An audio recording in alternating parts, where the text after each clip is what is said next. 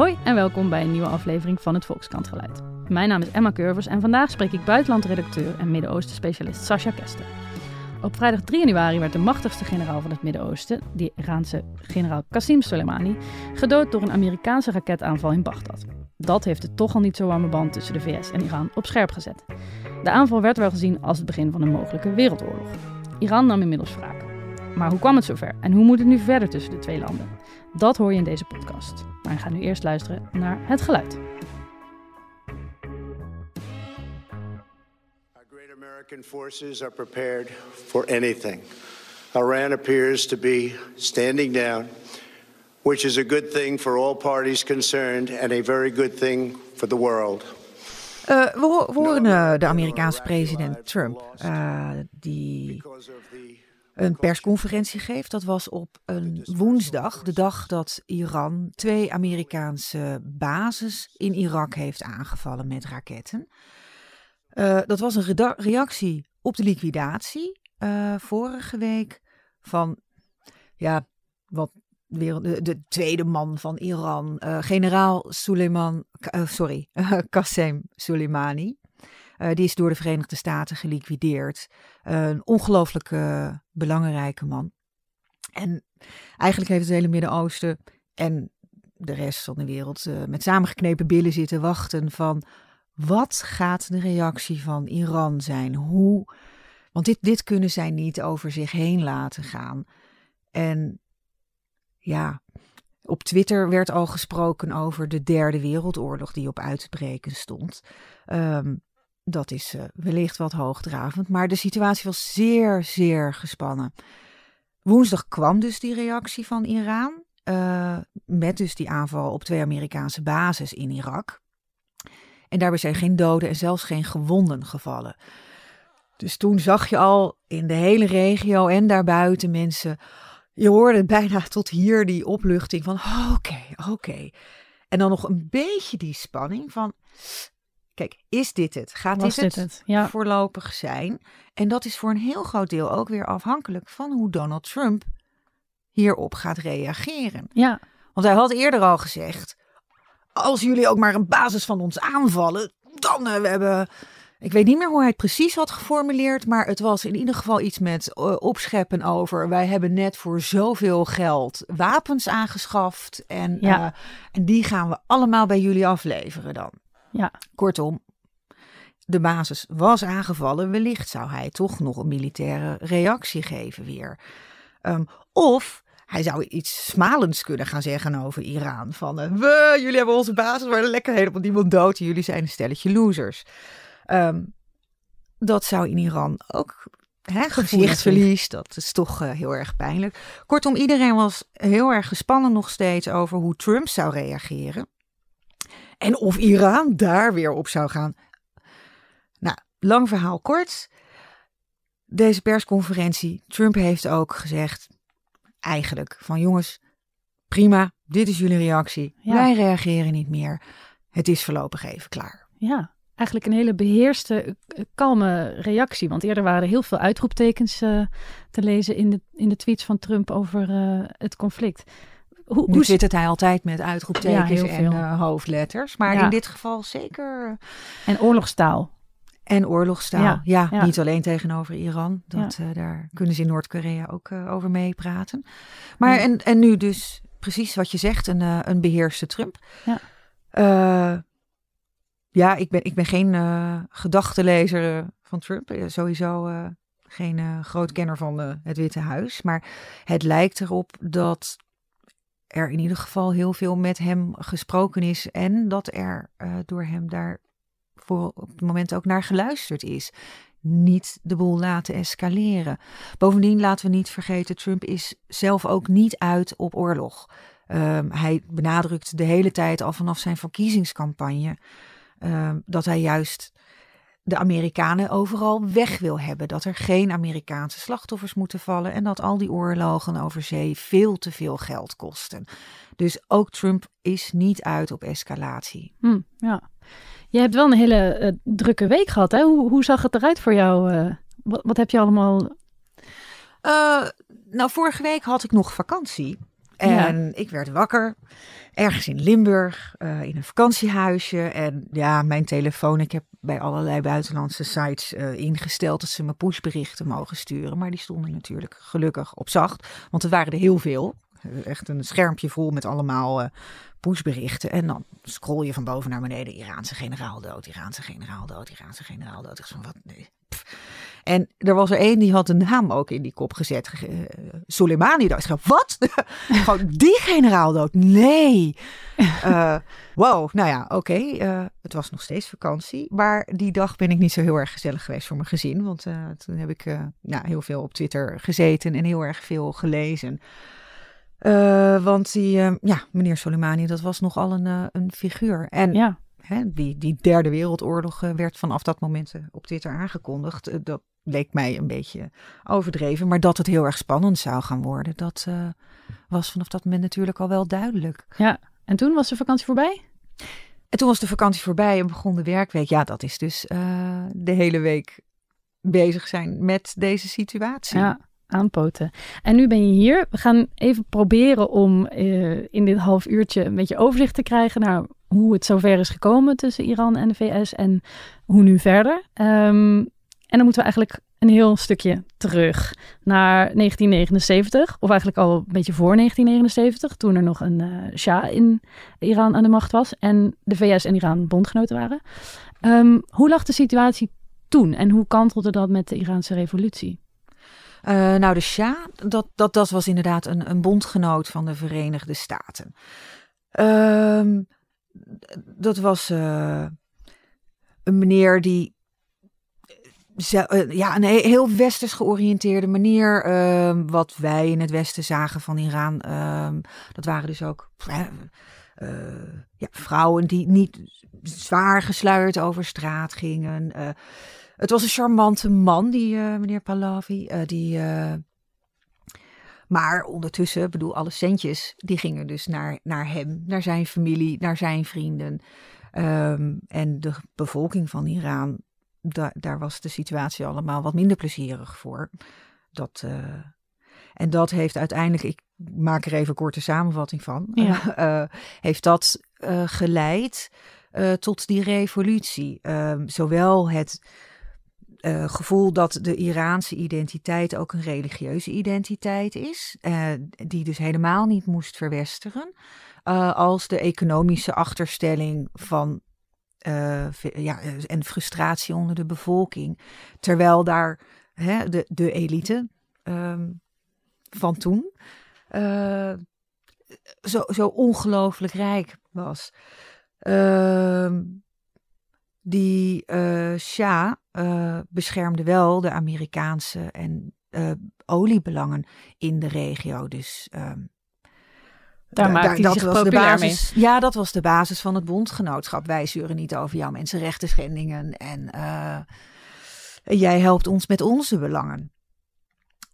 En toen kwam daar plotseling Khomeini, die meneer met die hele donkere wenkbrauwen, die uh, zwarte tulband en dat lange zwarte gewaad. Ik denk dat bijna iedereen zijn foto uh, met, die, met die lange, lange witte baard zich nog wel voor, kan, voor zich kan halen.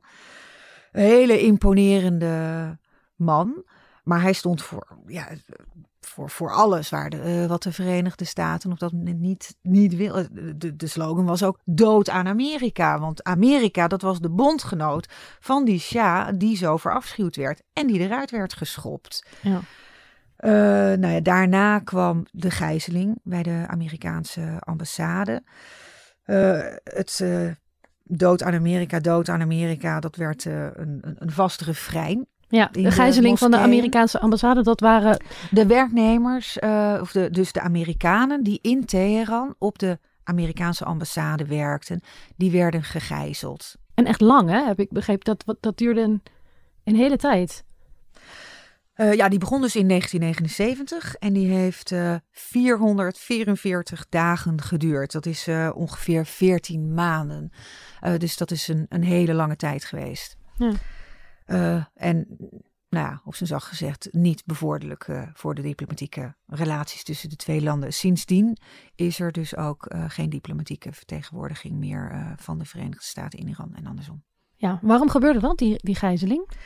Uh, het was een groep studenten, uh, die, de, de, diplomaten en, en burgers die uh, op de ambassade werkten. Ja, als steun aan de Iraanse revolutie in gijzeling hielden. Oké, ja. En dat heeft de banden niet warmer opgemaakt. Nee.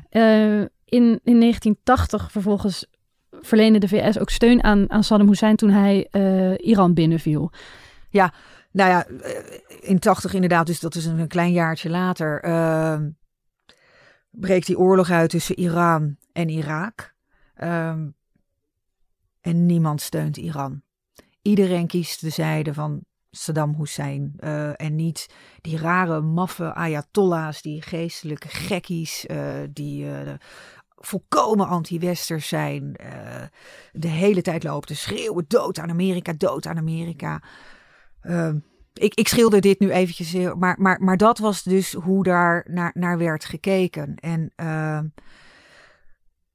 die oorlog tussen Iran en Irak is vervolgens een, een, een gruwelijke aangelegenheid geweest. Die heeft uh, acht jaar geduurd. En er zijn uh, in die acht jaar tijd een miljoen mensen bij om het leven gekomen. Uh, die oorlog wordt ook wel vergeleken met de Eerste Wereldoorlog, die wij hier uh, in Europa hebben gehad. Het was, het was een loopgravenoorlog. Er werden chemische wapens ingezet. Um, en ja, die loopgraven. Uh, in, in die acht jaar, het verschoof soms een metertje of wat naar links en een metertje of wat naar rechts. Maar uiteindelijk heeft niemand daarin dus zijn uh, land kunnen winnen en heeft niemand land verloren. Er is, het, het is allemaal helemaal eh, uitzichtloos en voor niets uh, geweest.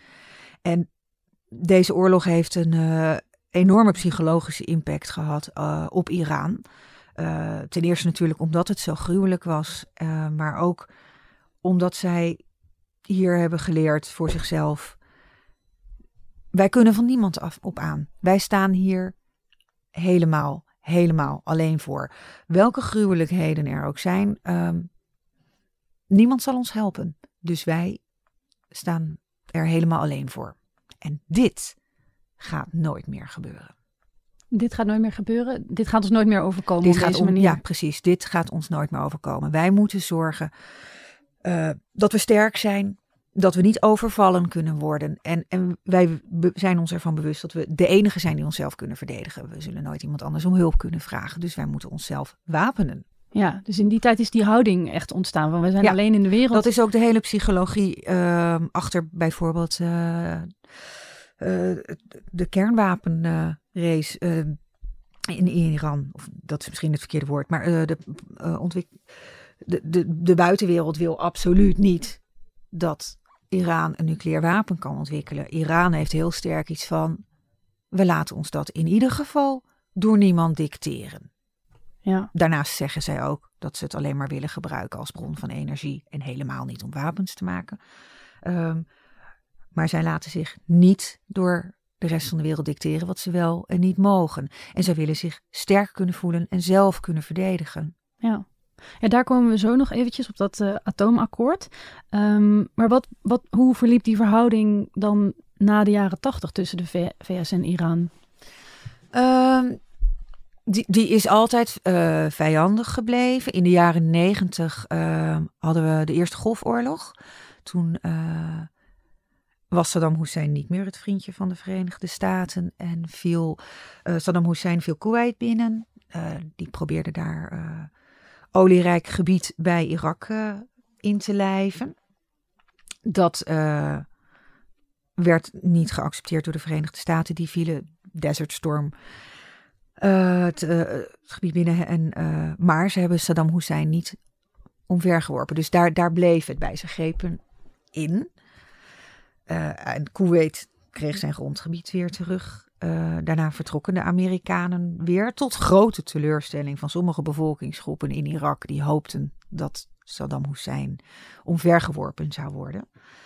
Um, Iran heeft dat natuurlijk allemaal haarscherp in de gaten gehouden. Maar daar verder geen rol uh, in gespeeld. Um, en in 2003 viel de Verenigde Staten voor een tweede keer binnen. En toen werd Saddam Hussein wel omvergeworpen. En vanaf dat moment is Irak eigenlijk een, gebied geworden waarin Iran pardon, en de Verenigde Staten uh, met elkaar strijden om invloed. Dat is het gebied waar, ja. Ja, je hebt hier een stuk over geschreven. Hè? Dat is ook deze week verschenen. De, de verre vriend uh, die Irak uh, heeft aan de VS. nee, ja, dat heeft mijn collega Anna geschreven. Oh, sorry. Ja, zij, onze Midden-Oosten-correspondent die oh, okay. in, het, in het gebied Ik heb alle stukken een beetje door elkaar ja. gehaald, merk ik. We hebben heel veel hierover ja, geschreven allemaal. Enorm. Um, maar ja, inderdaad, dat, ja, dat, dat is het gebied waar Irak, zoals Anne dat heel mooi formuleerde, ja, eigenlijk twee heren te vriend moet zien te houden. Een beetje flirten met de een en een beetje flirten met de ander. En ondertussen zit, uh, zit het land eigenlijk klem. Ja, en dat is in het dat... machtsspel tussen die twee. Ja. Um, er kwam in 2015 een, een atoomakkoord tussen de VS, China, uh, Rusland en de EU. Um, ehm, en daaruit heeft Trump zich in 2018 uh, teruggetrokken. Dat was ja. ook een hele gevoelige kwestie. Uh, waarom deed hij dat en wat waren de gevolgen daarvan? Uh, nou ja, hij vond het uh, het allerslechtste akkoord dat ooit is gesloten. Um, wat hem bijvoorbeeld heel erg dwars zat. Um, want Iran, die heeft heel lang geprobeerd die nucleaire energie op te waarderen. Is en heel erg veel in het geniep gedaan. in het eerste jaar dat Barack Obama uh, aan de macht was in de Verenigde Staten in 2009. Toen werd uh, bijvoorbeeld ontdekt dat er een supergeheime uraniumverrijkingsfabriek uh, bij Kom in het, in het noorden van het land was.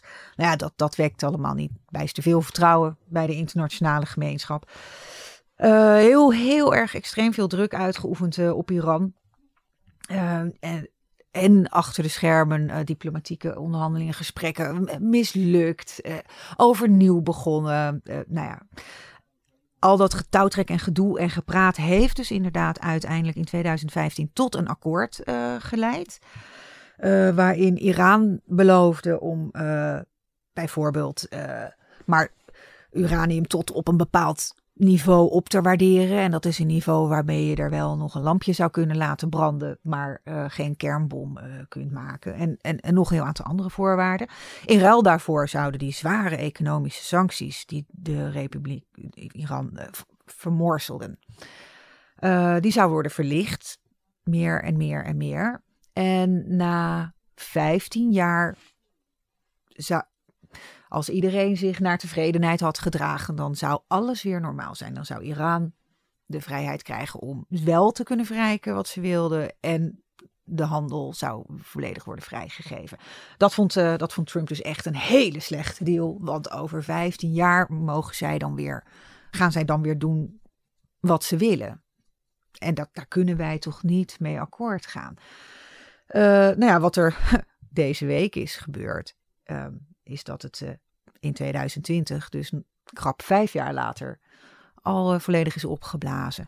Want Trump heeft bij zijn aantreden gezegd: Ik wil opnieuw naar de onderhandelingstafel. Ik wil het allemaal veel, veel strenger hebben. Terwijl Iran zich dus in die hele periode altijd keurig netjes en uh, aan de voorwaarden van het akkoord heeft gehouden. de andere partijen van het akkoord, Europa, die hadden ook heel erg sterk is van nee, um, wa waarom? zij hebben niets gedaan om het vertrouwen te schaden. Ze, ze hebben zich aan alle, Iran heeft zich aan alle regels gehouden. Er is geen enkele reden om te zeggen dat zij een onbetrouwbare partij zijn uh, in deze. Nu hoopte Teheran dat het de Verenigde of uh, Europa zou lukken om de Verenigde Staten te smeken de boel te herzien.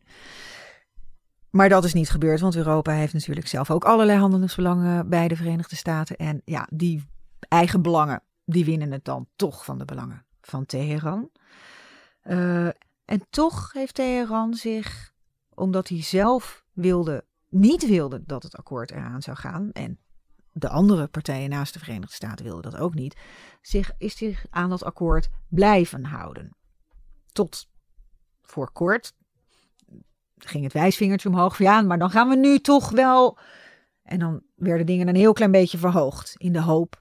De activiteiten rondom. rondom, uh, precies. Het, uh, rondom die wapens. Of uraniumverrijking. Verrijking. Ja. ja. En was het en ook nu, een raar... na de, na de eh, liquidatie van Suleiman, he- eh, heeft Iran dus gezegd... "N- Nu voelen we ons hier echt niet meer aan eh, toe verplicht. Nu is het klaar. Dus waar Trump zei, 15 jaar, dat kunnen we niet hebben. Dat is levensgevaarlijk. Zijn we nu vijf jaar later zover dat Teheran zegt van... hé, hey, wij voelen ons niet meer gebonden aan een akkoord. Tegelijkertijd overigens eh, heeft Teheran gezegd... eh, dat als mensen... eh, als de sancties worden opgeheven, dat zij zich er ook weer wel aan zullen willen houden. Ja, maar was het dan ook een raar akkoord? Was die gevoeligheid van de VS rondom dat akkoord, zat daar iets in? Ehm, ik, ik denk dat het er ook wel mee heeft te maken dat Trump het eh, helemaal niet onplezierig vond om een akkoord wat door zijn voorganger was afgesloten te bestempelen tot, eh, tot iets heel erg slechts. Ja, een, verdrag dat door eh, Obama was gesloten lekker in stukjes te scheuren. Ja. De, er zijn allerlei gebeurtenissen in de straat van Hormuz geweest die ook een rol speelden in de escalatie van dit conflict. Kan je daar iets over vertellen? Nou, de straat van Hormuz, dat is een, een zeearm eigenlijk. En daar moet zo'n zo'n zo'n 20% eh, van de olie van deze wereld eh, doorheen gevaren worden. En die eh, ja, gaat langs Iran. En Iran heeft ook in het verleden heel vaak deze straat van Hormuz al gebruikt als, als wapen eigenlijk. Als jullie niet of als jullie wel, dan ja, zorgen wij dat er gewoon lekker helemaal geen olie meer doorheen kan komen. Eh, nadat dat atoomakkoord is verscheurd eh, door Trump, eenzijdig is opgezegd. ehm, is, is dus inderdaad ook eh, de spanning in die straat van Hormuz eh, weer opgedreven. Dat, dat, dat oude wapen werd weer door Iran van stal gehaald. Eh, met speldenprik. Het is niet zo dat ze de boel daar helemaal op slot hebben gedaan, maar constante pesterijen, speldenprikken. ehm, Wat doen ze dat dan? dat constant, dan moet je denken aan, eh, aan plakbommen op olietankers die, die door die eh, Persische golf heen, eh, heen vaarden. Ehm, Iran heeft de hele tijd met zijn handjes omhoog gezegd van ja, it wasn't me, it wasn't me. Ehm, maar daarin wordt dus de hand gezien van generaal Soleimani, ehm, die, en nu wordt het weer ingewikkelder, sorry, maar een, een, een onderdeel van de Iraanse strategie was om eh, ook in andere landen gewapende groeperingen of eh, ja, ge- groeperingen te bewapenen, eh, te trainen en een heel netwerk op te bouwen, zodat zij aan Iran gelieerd zijn. Dan moet je denken aan Hezbollah. ehm, in Libanon, de Houthis, dat zijn opstandelingen in Jemen, wat een enorme oorlog is op dit moment in Jemen. Ehm, maar ook Sjiitische milities um, in Syrië, die voor Assad hebben gevochten. President uh, Assad van Syrië. En Sjiitische milities in Irak. Uh, deze groeperingen uh, en strijders die, die, hebben werden dus ook ingezet bij die straten van Hormuz, waarbij Teheran dan altijd weer zei, maar dat hebben wij helemaal niet gedaan. Maar er, werd, er werd een Amerikaanse drone uh, neergehaald. Toen is het ook even heel erg spannend geworden. Toen uh, was, zou er een Amerikaanse vergeldingsaanval komen. En Trump heeft die op het aller, allerlaatste moment tegengehouden. Omdat um, er geschat werd dat het 150 doden zou opleveren. uh, of kosten. En hij vond dat zelf een disproportionele reactie. Oké. Oké. En er, was, er, waren dus allerlei pesterijen over en weer. En er was eind december ook nog een soort protest bij de Amerikaanse ambassade. Die, ook een rol speelde in, in deze ja, ruzie, zullen we maar zeggen. Wat, gebeurde daar? In Iran, of sorry, Irak, um, wordt al heel erg lang gedemonstreerd. Um, mensen, met name jongeren, die gaan daar uh, de straat op omdat ze ja, het eigenlijk helemaal zat zijn dat er geen geld is, geen werk is, geen stroom is, geen, geen, geen stromend water. Uh, en dat in een land, want de Iraakse olieinkomsten, die, die, die zijn gigantisch. En, en, en toch leeft dat hele grote deel van de bevolking met helemaal niets. Waarom niet? Omdat het geld niet wordt gebruikt om. Uh, in, in het, er wordt niet in dat land gestopt. En de klacht is dat geld dat verdwijnt in de zakken van de politieke elite. Dus die moeten allemaal weg, dat is een eis. En het verdwijnt in de zakken van de milities, die hier voor een heel groot deel de macht uh, uitmaken. En niet alleen maar omdat ze met een geweertje rondlopen, maar ook omdat zij uh, allerlei economische belangen hebben uh, gecreëerd voor zichzelf in, in dat land.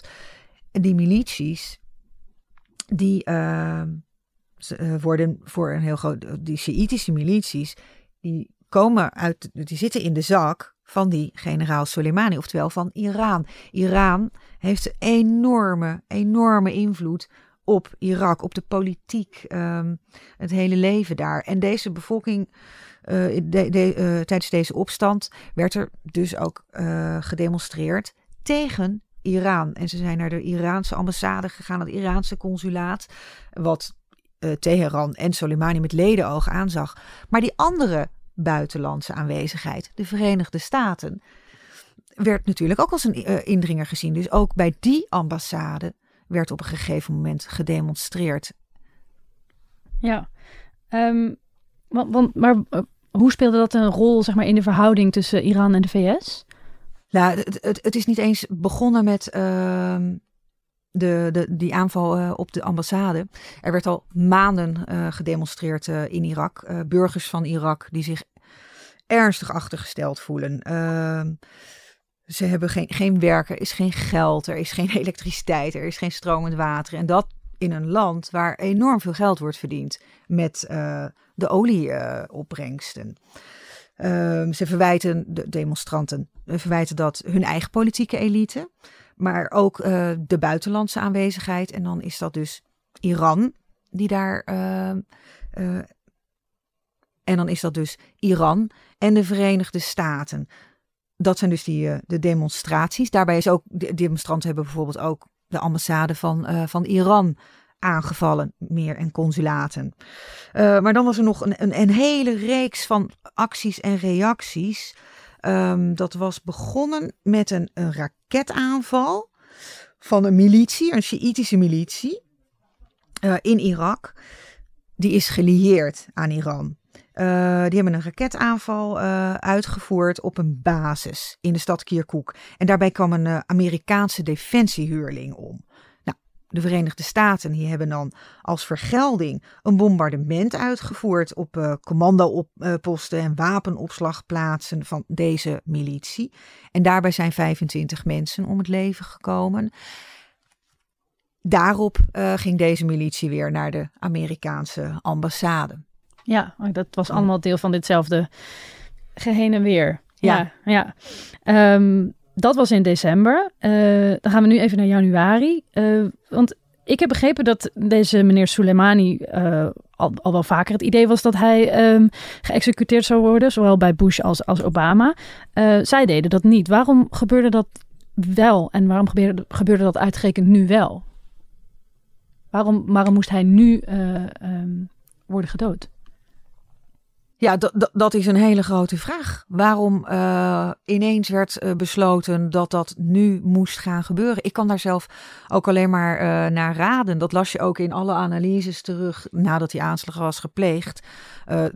er was natuurlijk de zorg om, oh jee, wat gaat er nu gebeuren? Maar ook impliciet daarin het verwijt, waarom in vredesnaam? Want inderdaad, wie deze meneer is, die was die meneer Soleimani, wat hij allemaal deed, waar hij verantwoordelijk voor was uh, verre van een lievertje. Um, dat was al heel erg lang bekend. Uh, en de risico's de impliciet, door hem uit te schakelen, die zijn genomen, die waren gigantisch. Waarom dat op dit moment is besloten, ik kan er alleen maar naar raden en, uh, en dat ga ik dus liever niet doen. Ja, ja. Volgens Trump was hij een, een terroristische leider. Was hij dat? Um, nou, dat ligt er natuurlijk heel erg aan, uh, aan wie je dat vraagt. Uh, maar hij is wel uh, iemand die terroristische organisaties, en dan moet je denken aan Hamas, die staat op het lijstje van terroristische organisaties. Hezbollah in Libanon, Hamas in Palestijnse gebieden.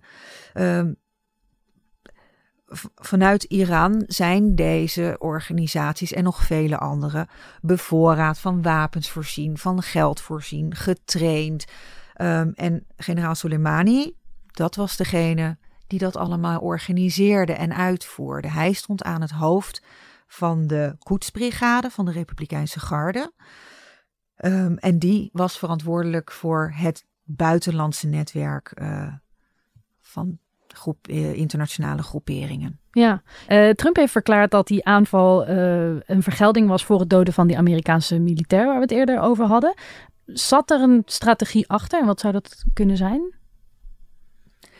Ja, dat, dat, weten we, dat weten we dus niet, welke strategie daarachter zat. Um, hij heeft ook gezegd dat met het uitschakelen van Soleimani dat hij bezig was met het plannen van allerlei aanslagen en dat door hem nu uit te schakelen heel veel mensenlevens uh, zijn uh, gespaard.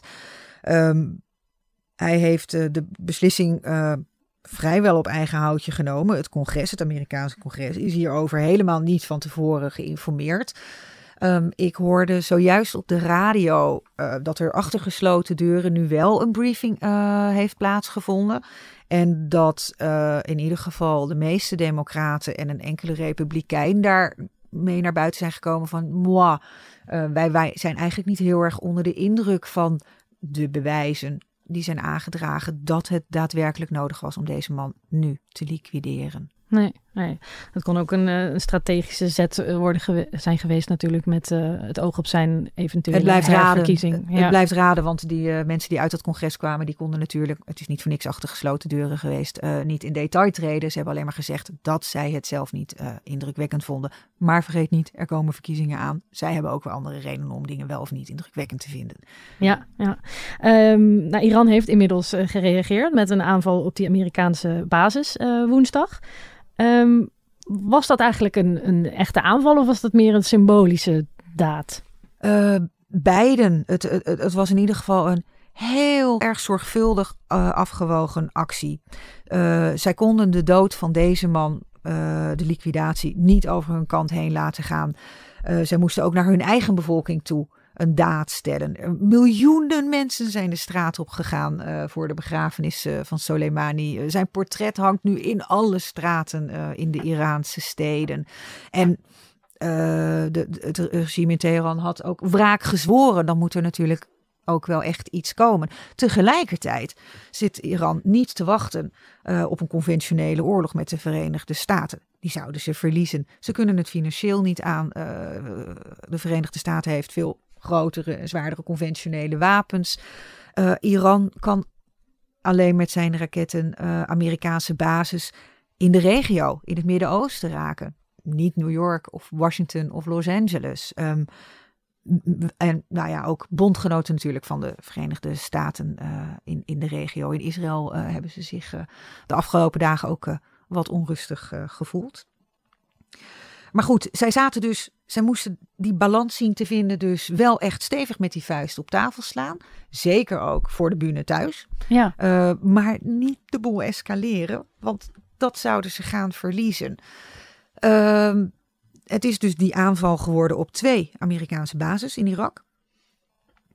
Uh, het schijnt dat daar van tevoren ook nog een waarschuwing aan vooraf is gegaan, zodat de basis geëvacueerd konden worden. Er is niemand overleden. Uh, als er Amerikaanse doden zouden zijn gevallen, dan zou dat natuurlijk de kans op wel een nieuwe militaire reactie ja. van de Verenigde Staten veel waarschijnlijker hebben gemaakt. Dus het is heel zorgvuldig. Uh, heel zorgvuldig gegaan. afgewogen. Maar het was wel heel duidelijk vanuit Iran uitgevoerd met Iraanse raketten. Uh, hè, niet, niet uitgevochten via een van de andere aan Iran gelieerde buitenlandse groeperingen. Nee, dit was absoluut duidelijk zichtbaar voor de hele wereld het antwoord van Teheran. Uh, Teheran zelf heeft uh, op uh, Iraanse media gezegd dat er 80 doden bij zijn ja. gevallen. Terwijl de Verenigde Staten en Irak melden van nou ja, gaat goed hier. zelfs geen gewonden. Ja. Ja, ook, ook dat is voor eigen bühne. Ik had ook eens van jeetje, wordt dat dan nu geloofd ja. in Iran? Maar um, er, er zijn natuurlijk heel erg veel mensen die met een VPN-verbinding uh, op het internet ook wel internationale media uh, kunnen bereiken. Maar er zijn ook heel veel mensen die niet in een grote stad wonen. Nee. Uh, Maar komt het dan daar zo op het journaal van? Er zijn 80 Amerikaanse militairen gedood. het is gelukt. Er zijn, ik weet niet of ze hebben gezegd dat het 80 Amerikanen waren, maar er zouden 80 slachtoffers oh, zijn gevallen. Ehm, en ja, dat, dat wordt toch door een groot deel van de Iraniërs, wordt de retoriek dan gevoeld in ieder geval als een wij hebben ook nu van ons laten horen. Ja, en, en Trump reageerde dus eigenlijk ook heel kalm van nou, ik, ik begrijp het. Zou je het conflict daarmee dan enigszins gesust kunnen noemen op dit moment? Nou ja, in ieder geval is het lontje nu wel uh, uit, het, uh, uit het kruidvat. Maar dat kruidvat, dat staat er nog steeds. Uh, de relatie tussen Iran en de Verenigde Staten, kunnen we wel concluderen, is slechter dan ooit. Um, in Iran, of sorry, in Irak zal de strijd om de invloed ehm, door blijven gaan. Door de actie, door die liquidatie, lijkt Amerika daar alleen maar te hebben verloren aan invloed. en Iran te hebben gewonnen. Uh, na de aanslag heeft het Iraakse parlement uh, besloten dat alle Amerikaanse militairen nu eigenlijk maar eens een keertje het land uit moeten. Of dat daadwerkelijk gaat gebeuren is iets heel erg anders. Maar het is opvallend dat het is met 170 stemmen tegen nul aangenomen in het Iraakse parlement. En er zijn absoluut groeperingen die heel blij zijn met de aanwezigheid van de Verenigde Staten. Al is het maar weer in de strijd tegen islamitische staat, waar de Koerden het, het, het, begint allemaal net weer een beetje uh, beter, te, of beter te worden. Uh, ze beginnen net een heel klein beetje te herstellen van die gruwelijke burgeroorlog daar. Maar ook dus degenen die uh, de aanwezigheid van de Verenigde Staten daarin wel als een positieve factor zien, die hebben gewoon maar niet gestemd. Die zijn thuisgebleven. Niemand in Irak sprak zich op dit moment publiekelijk positief uit tegenover de Amerikaanse aanwezigheid. En alleen dat ook kun je zien als een signaal dat op dat terrein Iran uh, zeker sterker staat dan de Verenigde Staten. Hm. Derde Wereldoorlog voorlopig afgewend. Derde Wereld voorlopig afgewend. Schaduwoorlog zal nog wel een tijdje door blijven gaan. Dankjewel, Sascha.